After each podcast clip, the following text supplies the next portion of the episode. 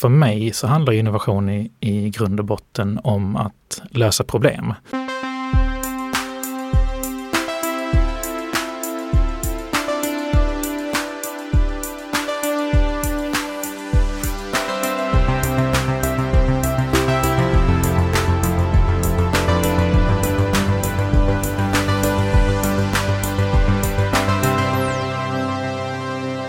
Hej kära lyssnare, välkomna till Heja Framtiden. Kanske världens viktigaste podcast. Jag heter Christian von Essen och är som bekant den där irriterande lilla bananflugan som cirkulerar girigt kring kunskapens frukt. Idag ska vi prata om kreativitet och innovation och hur man kan jobba med detta bättre och effektivare i organisationer.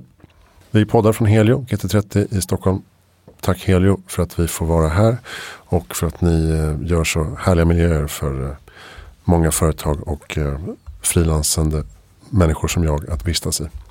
Kolla in helioworks.se för mer information om kontorsplatser och eventlokaler i Stockholmsområdet. Tack Warp Institute för att vi fortsätter ha ett roligt samarbete. Eh, gå med i Sveriges mest optimistiska Facebookgrupp som heter Sveriges mest optimistiska Facebookgrupp för att få goda nyheter och framsteg varje dag i ditt Facebookflöde. Jag skriver själv där eh, en gång i veckan. Warp håller också på med eh, att eh, crowdfunda en liten expedition till en asteroid. Warpspaceprogram.org heter den adressen. Veckans affärer är extra förtjust i. Det är den här tidningen för det nya arbetslivet. Du vet, vi samarbetar med en artikel en gång i veckan utifrån Heja Framtiden avsnitten. Gå in på va.se poddar så hittar du alla de artiklarna. Glöm inte att prenumerera på deras fantastiska nyhetsbrev också. Och på tidningen. Fina fisken. Jag heter Christian von Essen och eh, finns på christianvonessen.com eller på LinkedIn eller på Facebook eller på Instagram. Hör av dig om du har tips och förslag på nya avsnitt eller samarbetspartners eller sponsorer. Eller om ditt företag behöver eh, föreläsning, moderatorskap eller ett litet eh, Heja Framtiden seminarium. Där vi utgår från en positiv världsbild och benar ut vart vi ska. Allt är möjligt. Föreläsningen jag jobbar på nu heter jag intervjuade 50 futurister. Det här är vad jag lärde mig. Ja, du ser. Mycket gång på det. Slå en signal så pratar vi mer. Tills dess så kan ni stötta oss på Patreon.com hejaframtiden. Där kan man donera några dollar per vecka till Heja Framtiden. För att vi ska kunna göra bättre avsnitt, mer YouTube och sånt. Men det kommer dyka upp andra saker på den här plattformen också så småningom. Eh, Ge lite tid bara. Så apropå effektivitet så ska vi uh, ska sluta prata. Nu kör vi. Heja framtiden.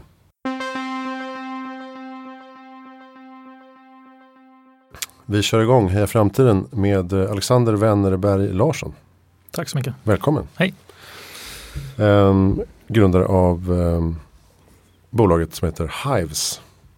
Stämmer. Inte The Hives. Nej, det, det, är något annat. Det är något annat. yes.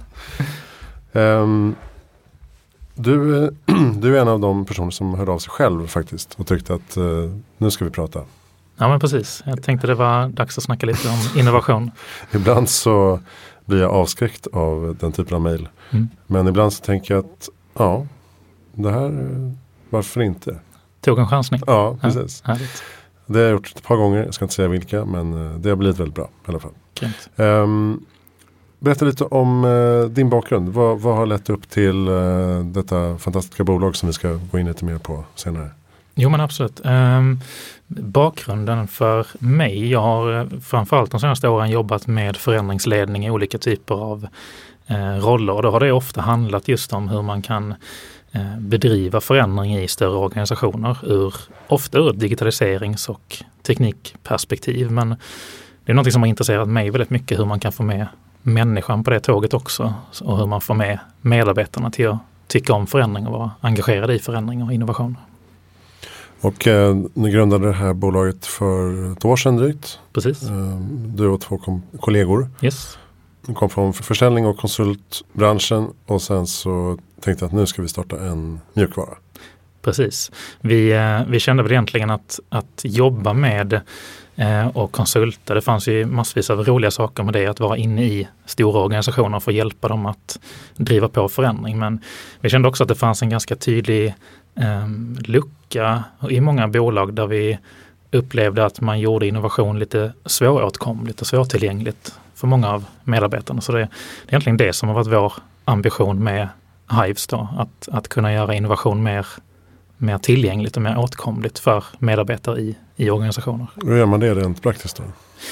Ja, men för mig, alltså innovation som begrepp är ett ganska hypat ord, men för, för mig så handlar innovation i, i grund och botten om att lösa problem. Och eh, ska man lösa problem så finns det egentligen två sidor. Det är, första handlar om att hitta rätt problem, gärna mänskliga problem som är värda att lösa. Eh, både i samhället och i företag. Eh, och sen nummer två handlar om att hitta lösningar på de problemen. Och det, eh, det är egentligen det som är själva kärnan i, i det vi gör och det som Hive är till för. Det är ett enklare sätt att se till så att företag faktiskt kan gå ut och kommunicera vilka utmaningar, vilka mål och vilka problemställningar har vi i företaget och sen ta hjälp av alla medarbetarna för att kunna komma med förslag och idéer och lösningar på dem. De just det, för, för grundidén är väl att eh, just att det är en hive, alltså en bikupa där många inspel kan eh, samlas i en Exakt, och det är precis, precis där namnet kommer från just för att mm. vi, vi tror ju på en eh, lite annan typ av eh, lite annan typ av sätt att organisera företag i framtiden än vad man kanske traditionellt sett gjort. Men vilken typ av eh, kund skulle ha nytta av att jobba med ert verktyg? Då? Jag tror för det första så eh, eh, tror jag man måste vara ett företag som har en ganska stor tro på sina medarbetare. Det krävs ju att man är ett eh, bolag som är transparenta och, och vågar ta in åsikter från alla typer av håll. Eh, sen är det klart så att vi kanske primärt jobbar mer med bolag som är medelstora och stora snarare än väldigt små bolag. Men eh, måste de vara liksom innovationsdrivna eller handlar det om att bara få, få till den här innovationsprocessen liksom oavsett vad det gäller? Eh, jag skulle inte säga att det finns väldigt många bolag som har etablerat eh, någon form av innovationsavdelning eller innovationshubb i sina företag mm. eh, idag. Och eh, jag skulle inte säga att man är beroende av att ha någon sån typ av uppsättning utan det viktigaste egentligen är att man är intresserad av att engagera medarbetarna i att ta företaget framåt. Det är egentligen det som är hela grundkärnan i det. Ehm, sen är det ju det innovation handlar om. Att, att faktiskt lösa problem som man tar sig framåt. För innovation är ju ingenting som är nytt i samhället eller i företag utan det är bara det att det har blivit mer det måste inte, vara en, måste inte vara en ny bil utan eh, det kan vara eh, smartare kaffeautomat. Det, ja exakt, det finns massvis av små innovationer runt om oss. Jag, jag brukar jag tänker på det tycker jag varje dag att allting som vi använder oss av dagligen eller som vi ser runt om oss har någon gång varit någon form av innovation. Eh. Mm. Uh, Leif Denti som är som innovationspsykolog som intervjuade för några avsnitt sedan. Mm. Han pratade lite om, vi pratade lite om det här med att uh, vi idag har så mycket vi måste agera på hela tiden mm. som är kortsiktigt. Så vi hinner sällan gå undan och tänka på det långsiktiga. Mm. Och, eh, få liksom utlopp för kreativitet och skapa mm. innovation och sådär. Mm. Eh, är det något ni ser också att man måste man måste helt enkelt schemalägga det här och få in kreativitet och innovation i arbetsdagen så att säga. Ja absolut. Ja, eh, för, för mig så handlar, så är det en av grundnycklarna till varför jag tycker produktivitet är intressant överhuvudtaget. För att kan jag vara produktiv så kan jag också skapa lös tid i kalendern för att vara mm. kreativ. Eh, så att jag tror att, att, eh, att avsätta tid för det är ett sätt. Men jag tror också att det handlar väldigt mycket om en fråga om företagskultur. Att, att tillåta människor att komma med idéer och tillåta människor att göra misstag och testa sig fram. Sen har jag ju mycket, jag har tänkt ganska mycket på det här med perspektiv och målbilder på vilket sätt man sätter dem. Um, för jag tror att när, när mycket går så snabbt framåt och eskalerar i fart exponentiellt idag ehm, så, så, blir det ofta så att mellanperspektivet blir ganska ointressant. Eh, jag brukar ofta jobba med personligen och försöka titta på någon form av horisont och vad vill jag i det långa, långa perspektivet. Men också försöka titta på vad kan jag göra idag för att någonting ska vara annorlunda de närmsta veckorna och de närmsta månaderna. Medan jag tycker att mellanperspektivet, så 3 till 5 år, är väldigt tufft att hantera. För det är så himla mycket som förändras på den, det perspektivet. Alltså tufft att hantera för att det är svårt att planera för? Menar, eller? Ja, men jag tror att det, det finns en, eh, delvis är det väldigt svårt att planera för det, men jag tror också att man lever lite grann i gamla, i gamla sanningar där om att alla bolag ska ha en femårsplan. Medan jag tror att en, en femårsplan är, är en ganska knepig tidshorisont att sätta en plan på. För att det är egentligen på det perspektivet som de mest kraftfulla förändringarna sker. Eh, det ser vi inte minst i mjukvaruutveckling eller i eh, lagstiftning eller vad det nu kan handla om för någonting. Mm. Så vad är, ditt, vad är ditt tips då? Jag skulle säga att man sätter, eh, för, för mig, eh, eh, så, så, tror jag att man kan tjäna väldigt mycket på att sätta sin liksom eh, norrstjärna eh, väldigt långt fram och, och liksom snarare titta vilket håll siktar vi åt? Eller vad är det för ambition vi har att förändra i det, i det väldigt, väldigt långa perspektivet? Eh, för så länge man har den att titta på mot horisonten hela tiden så tror jag att man tar bättre beslut hela tiden. Men sen behöver man också fokusera på det väldigt, väldigt korta perspektivet. Alltså mm. vad kan vi, att ha lite mer så take action och lite mer doer perspektiv. Um, och, och, se vad kan vi göra för att agera på att det, den förändringen ska ske. Just det. Tänker du så liksom privat också? Att så här, tio år, om tio år ska jag vara här? Ja, absolut. Jag, jag, jag försöker att inte grotta ner mig för mycket i hur, hur eh, den här månaden eller det här året eller de här tre åren har varit eller ska vara. Utan jag, jag försöker hitta tydligare syfte med var, vad det är jag vill i det stora hela. Eh, och sen faktiskt så mycket jag kan på daglig basis och på veckobasis eh, ta och agera faktiskt för att det ska, ska röra sig åt det hållet. Mm. Ett, ett uh, annat så här modeord är ju um, iteration. Alltså att uh, mm. de här små, små förbättringarna, mm. en procent förbättring hela mm. tiden som mm. gör stor skillnad. Um, hur kan man tänka där liksom, i ett företag, tycker du? Där skulle jag nog vilja prata lite grann om just det här med, med kopplingen mellan kontinuerlig förbättring och innovation. För att det är någonting som jag tycker man ser mer och mer samband i hos de företagen som lyckas med det. Att om man lyckas med att hela tiden, det som du pratar om, det finns ju väldigt klassiska begrepp kring det här med 1% bättre varje dag eh, för att sen ha en väldigt kraftig exponentiell utveckling. Men jag tror också att det skapar bra förutsättningar för att sen också komma på de här lite större förändringarna, de här lite större lösningarna som faktiskt tar och gör att man kan hoppa några steg extra i kurvan uppåt. Så jag tror att om man kontinuerligt som företag hela tiden jobbar med att se hur kan vi göra saker bättre? Hur kan vi lösa problem som är faktiska och verkliga problem för användare eller medarbetare eller kunder eller marknader. Eh, och hela tiden jobbar med att förbättra det. Då, då, kommer de här banbrytande idéerna också komma med jämna mellanrum. Men man ska inte sitta och leta efter banbrytande idéer tycker jag, utan det är bättre att fokusera på den kontinuerliga utvecklingen så kommer kreativiteten komma mycket. Just det. Jag tror jag börjar fiska efter hur man liksom implementerar detta i, i vardagen. Hur mäter man att ja, men idag var lite bättre än igår? Eller är det liksom mm. Det kan man ju se först i efterhand kanske. Ja, och det är det som är det tuffa, eh, tror jag också, med de här begreppen. Det är att många företag vill gärna sätta en ROI eller någon form av KPI eller nyckeltal på innovation eller på utveckling. Och det är väldigt tufft att göra det i, på förhand. Det finns ju till och med forskning som pekar jättetydligt på att om du, om du relaterar innovation och kreativitet till resultat så kommer kreativiteten minska. Mm. Av den enkla anledningen att kreativitet ställer i sig krav på förmågan att, att, eh, att kunna testa och våga misslyckas. Men om du inte tillåter att misslyckas utan bara fokusera på resultat så kommer kreativiteten inte att kunna blomma ut i den, den utsträckning som man vill. Ja just det, då får du en annan typ av medarbetare också kanske. Det måste ju handla mycket om kultur och hur man liksom bygger sin, eh, ja, sin företagskultur och arbetssätt.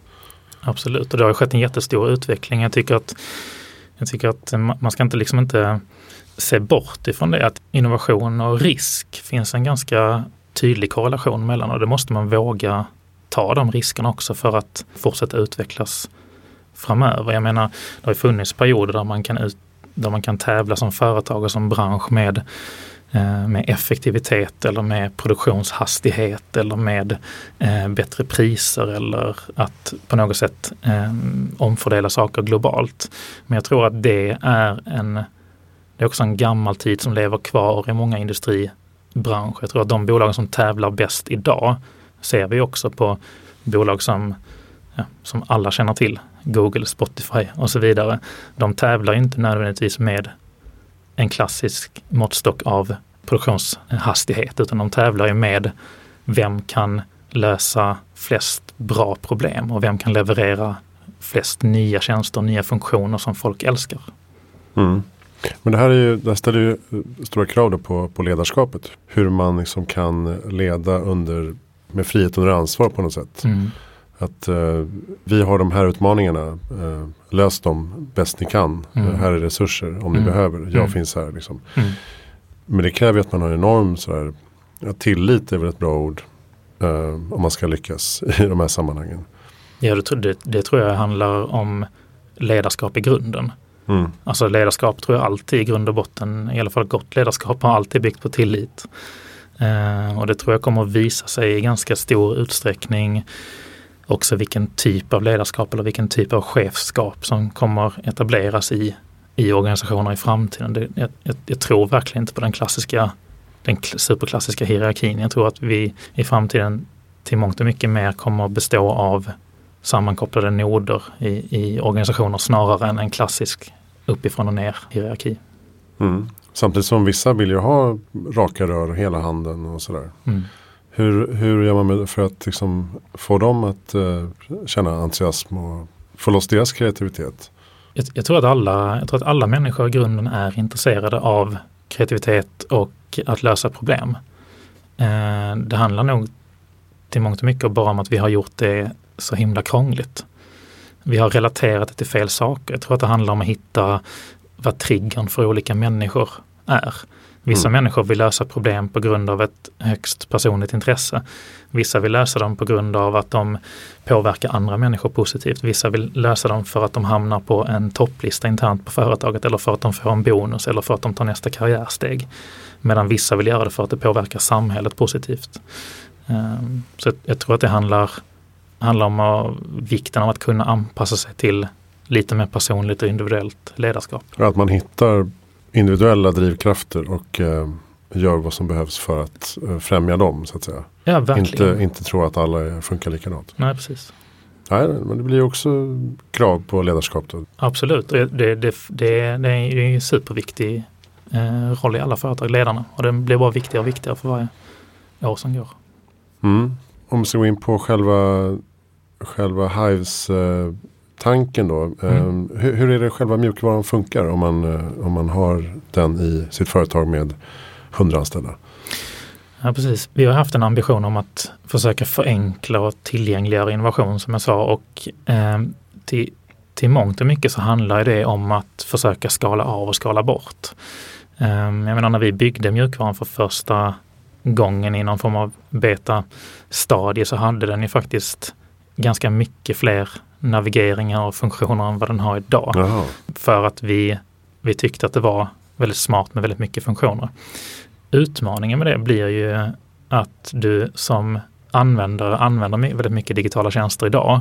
Så att en, en tjänst måste vara väldigt intuitiv för att du ska använda den.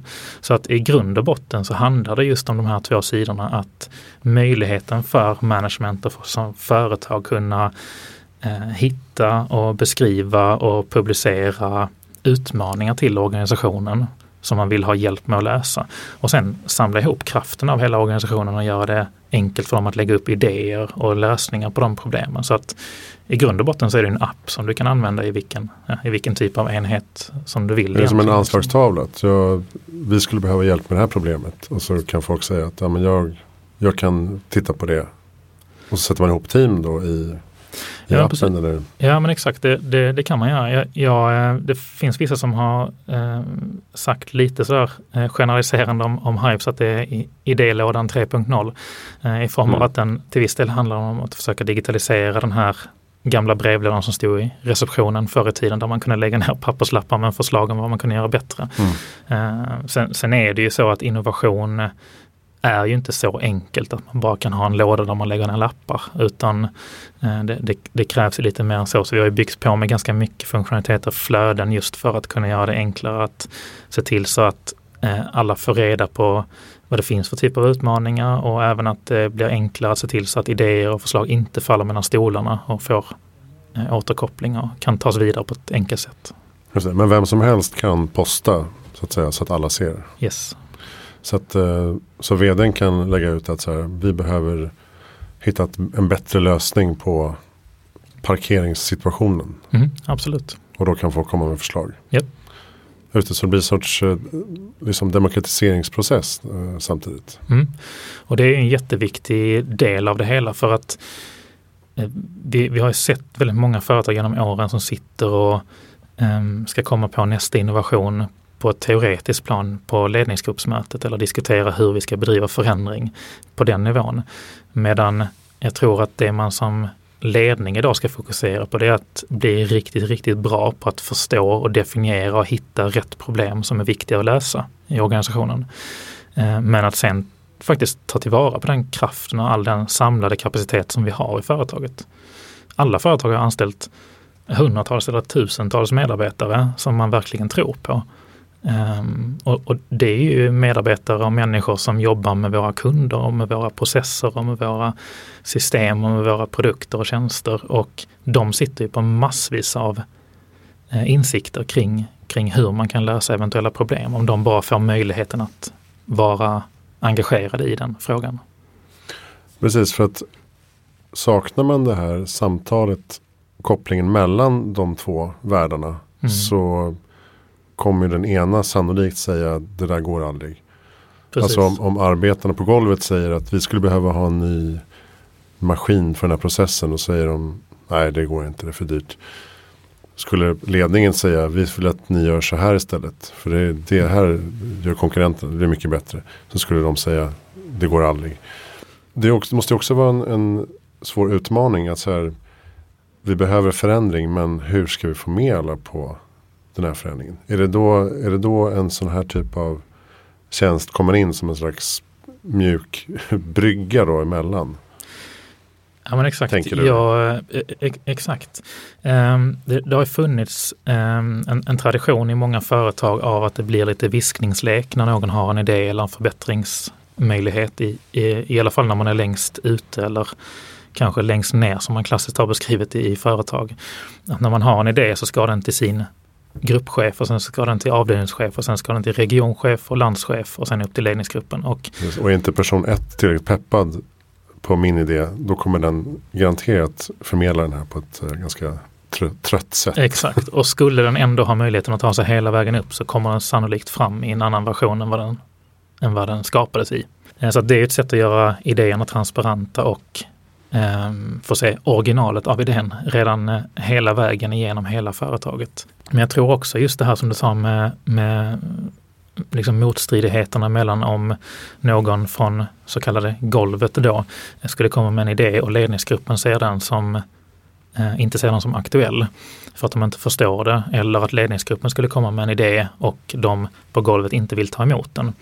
Ehm, så, så, handlar det ju till mångt och mycket om att man inte har samma definition av vad företagets problem är. Ehm, så att kan, man, kan man ta reda på och verkligen sätta sig in och, och försöka praktisera empati för mottagaren av ett problem så kommer man kunna definiera ett problem på ett helt annat sätt som gör att alla köper sig in på att det som vi nu har definierat, det är ett problem för företaget och medarbetarna som vi behöver lösa. Och inte ett problem i form av en väldigt negativ sak utan ett problem som gör att vi tar vi oss förbi det här så kan vi komma framåt, vara gladare, ha roligare och bli bättre. Så att kan man få alla köpa in sig på definitionen av ett problem, då kommer det inte alls bli lika tufft att eh, vara öppen för vilka typer av lösningar det finns på det problemet. Nej, och um, ofta så känns det som att de här typerna av förslag och um, förändringsmöjligheter de dödas ganska snabbt på uh, något av alla dessa möten som vi sitter i. Mm. Där man kanske inte orkar säga något. Man kanske inte hinner säga något. Mm. Man kanske blir avbruten för att någon annan ser sig själv som viktigare i rummet. Mm. Och så dör idén. Verkligen. Folk kanske är lite för hungriga. Mm. Eh, De vill gå hem. Någon måste springa eh, till sitt sjuka barn. Mm. Och idén försvinner. Hur kan vi liksom komma bort från det här, det här mötes ehm. Som många företag, framförallt kanske i Sverige, befinner Mm. sig i. Ja, eh, jag tror först och främst, det låter som en väldigt, kan låta som en väldigt hög, högt flygande sak, men jag tror verkligen att vi måste förändra arbetslivet i grunden. Jag, jag tror att eh, det finns egentligen ingen, inget så supersyfte i att vi följer exakt samma rutiner och processer som, eh, som är skapade av industrialiseringen eh, för jättelänge sedan. Där vi ska eh, vara på kontoret en väldigt exakt tid och sen så ska vi gå hem från kontoret en väldigt exakt tid. Eh, för vi har inget band att sköta längre på jobbet. Utan det mesta görs digitalt, eh, i alla fall i tjänstemannasektorn. Um, men jag tror att ska man liksom komma från det här med möten, då tror jag till mångt och mycket det handlar om att eh, se till att bli bättre på att avgöra när det krävs ett möte och inte. För att det finns väldigt mycket som kan lösas utan ett möte och det finns väldigt mycket som kan lösas på väldigt mycket kortare möten. Det finns ju väldigt klassiska historier från um, Amazon och Eh, Jeff Bezos som, som eh, ett tidigt etablerade rutiner i organisationen om vad det fanns för krav för att få kalla till ett möte och vad det fanns för krav för att komma till ett möte. För att kalla till ett möte måste det finnas syfte nog att samla de här människorna och ta den tiden från alla de här människorna. Och ska du sen vara med på mötet, då krävs det också att du har läst på den informationen som finns att läsa om vilka beslut och vilka saker vi ska fatta under mötet. Ehm, så jag tror att ehm, jag tror att vi ska nog inte kalla till möten sådär slentrianmässigt eh, som man gör i många företag. Jag har ju hört om massvis av vänner och tidigare kollegor som eh, jobbar hemma av den enkla anledningen. Att man man, man, man får, man får saker gjort. Ja, man får Mm. saker gjort när man jobbar hemma. Det får man inte när man ska sitta i möten på kontoret hela dagen. Nej, jag förstår inte hur någon får något gjort.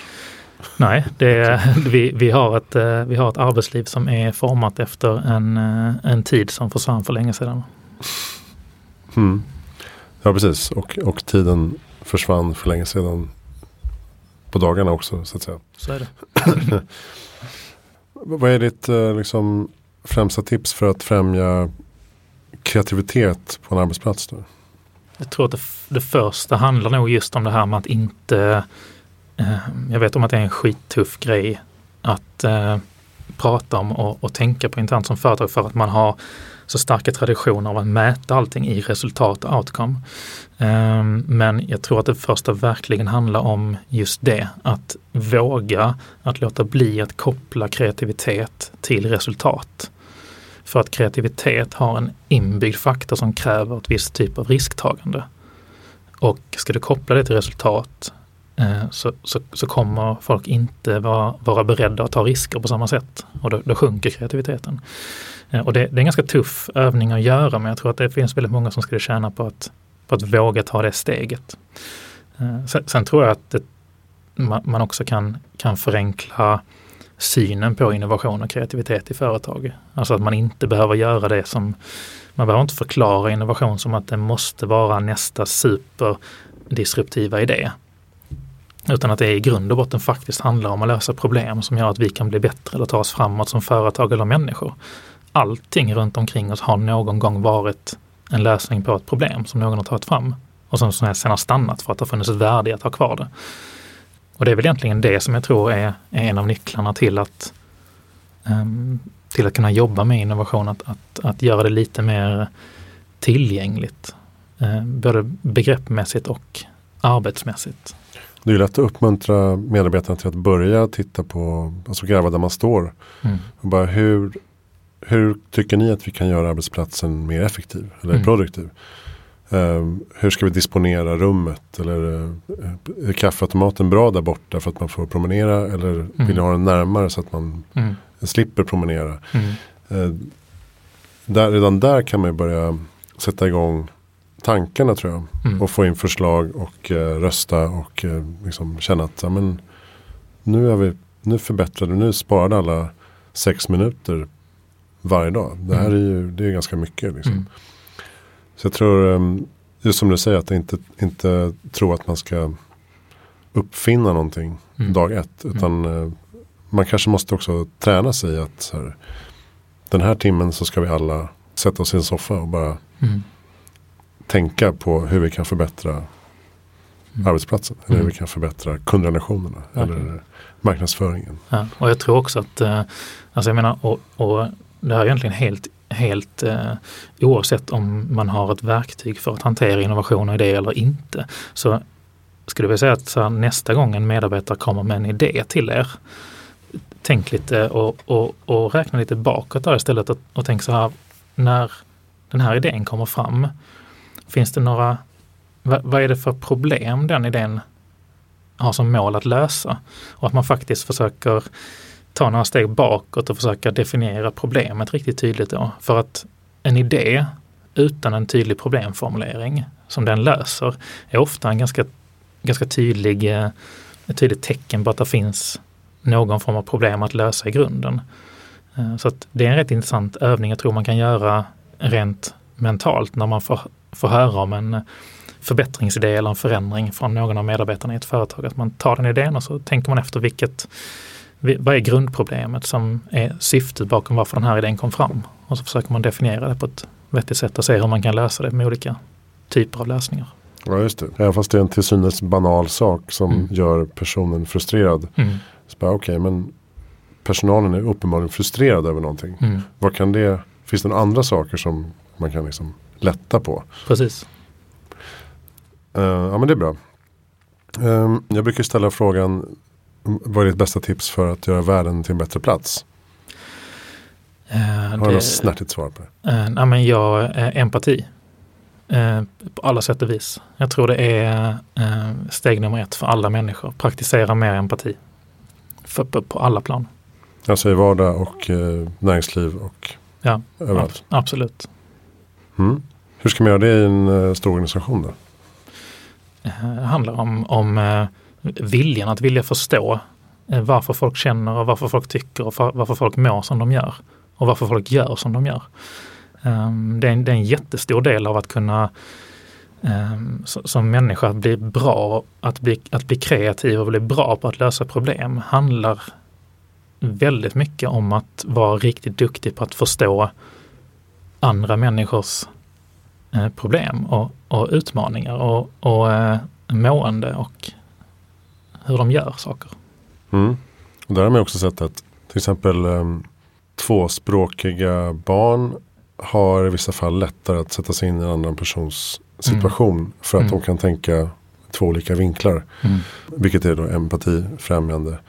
Även um, att läsa mycket böcker kan ju stärka empatin för att man har lättare att sätta sig in i andra människors mm. situationer.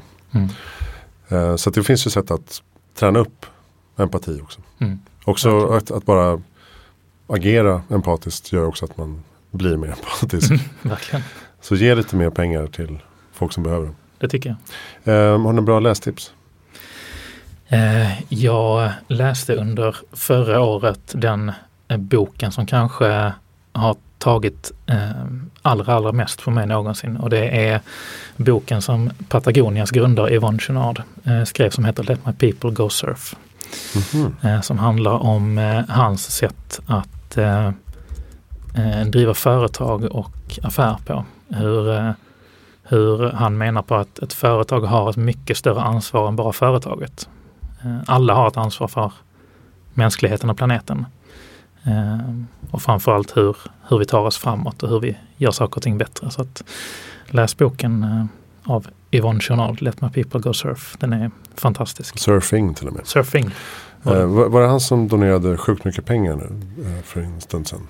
Eh, det, det, vet jag faktiskt inte. Jag vet om att de, har en, de startade en allians som heter 1% for the Planet. Eh, som går ut på att eh, företag kan ansluta sig till, till det här programmet då, vilket innebär att man ger bort 1% av sina intäkter till miljöfrämjande och eh, planetfrämjande organisationer. Just det. Jag har för mig att, jag har för mig att han var en, av de som fick skattelättnader från Trump-administrationen. Ja, och ja, därmed ja, just det, ja. donerade allt han tjänade på den skattelättnaden till välgörande ändamål. Exakt, precis. Det var ju deras, um, um, hon som är, som jag tappat namnet på nu, det är ju hon som är vd för Patagonia idag. Som var med och tog det beslutet, det läste jag också. Ja, så var det. Förlåt, Mm. det var inte han. Okej, Mm. det var hon. Mm. Just det, men i alla fall Patagonia. Precis, Bra, bra um, varumärke. verkligen. Eh, man kan också läsa din blogg va? Mm. Eh, hives.co blogg. Precis, Där skriver du lite eh, om innovation och kreativitet och så. exakt. Bra. Vem tycker du att vi ska intervjua i Heja Framtiden? Ja, men jag får väl säga eh, Yvonne Chenard då, Ja, från Patagonia som startade det bolaget som faktiskt har, har varit med och förändrat hur, hur eh, många bolag ser på, ser på världen. nu för tiden så ser jag ingenting som omöjligt. Härligt. Så att jag ska absolut eh, haffa Yvonne. Härligt. Jag tror han är baserad i eh, Kalifornien fortfarande där de startade i, i USA. Men det är väl bara att köra någon form av Det är bara att köra. Ja. Bra, tack snälla Alexander Wennerberg Larsson. Från. Hives för att du kom hit. Um, allt du vill veta om Heja Framtiden finns på hejaframtiden.se. Jag heter Christian von Essen. Nästa gång är vi tillbaka med något annat. Tack för att du lyssnade.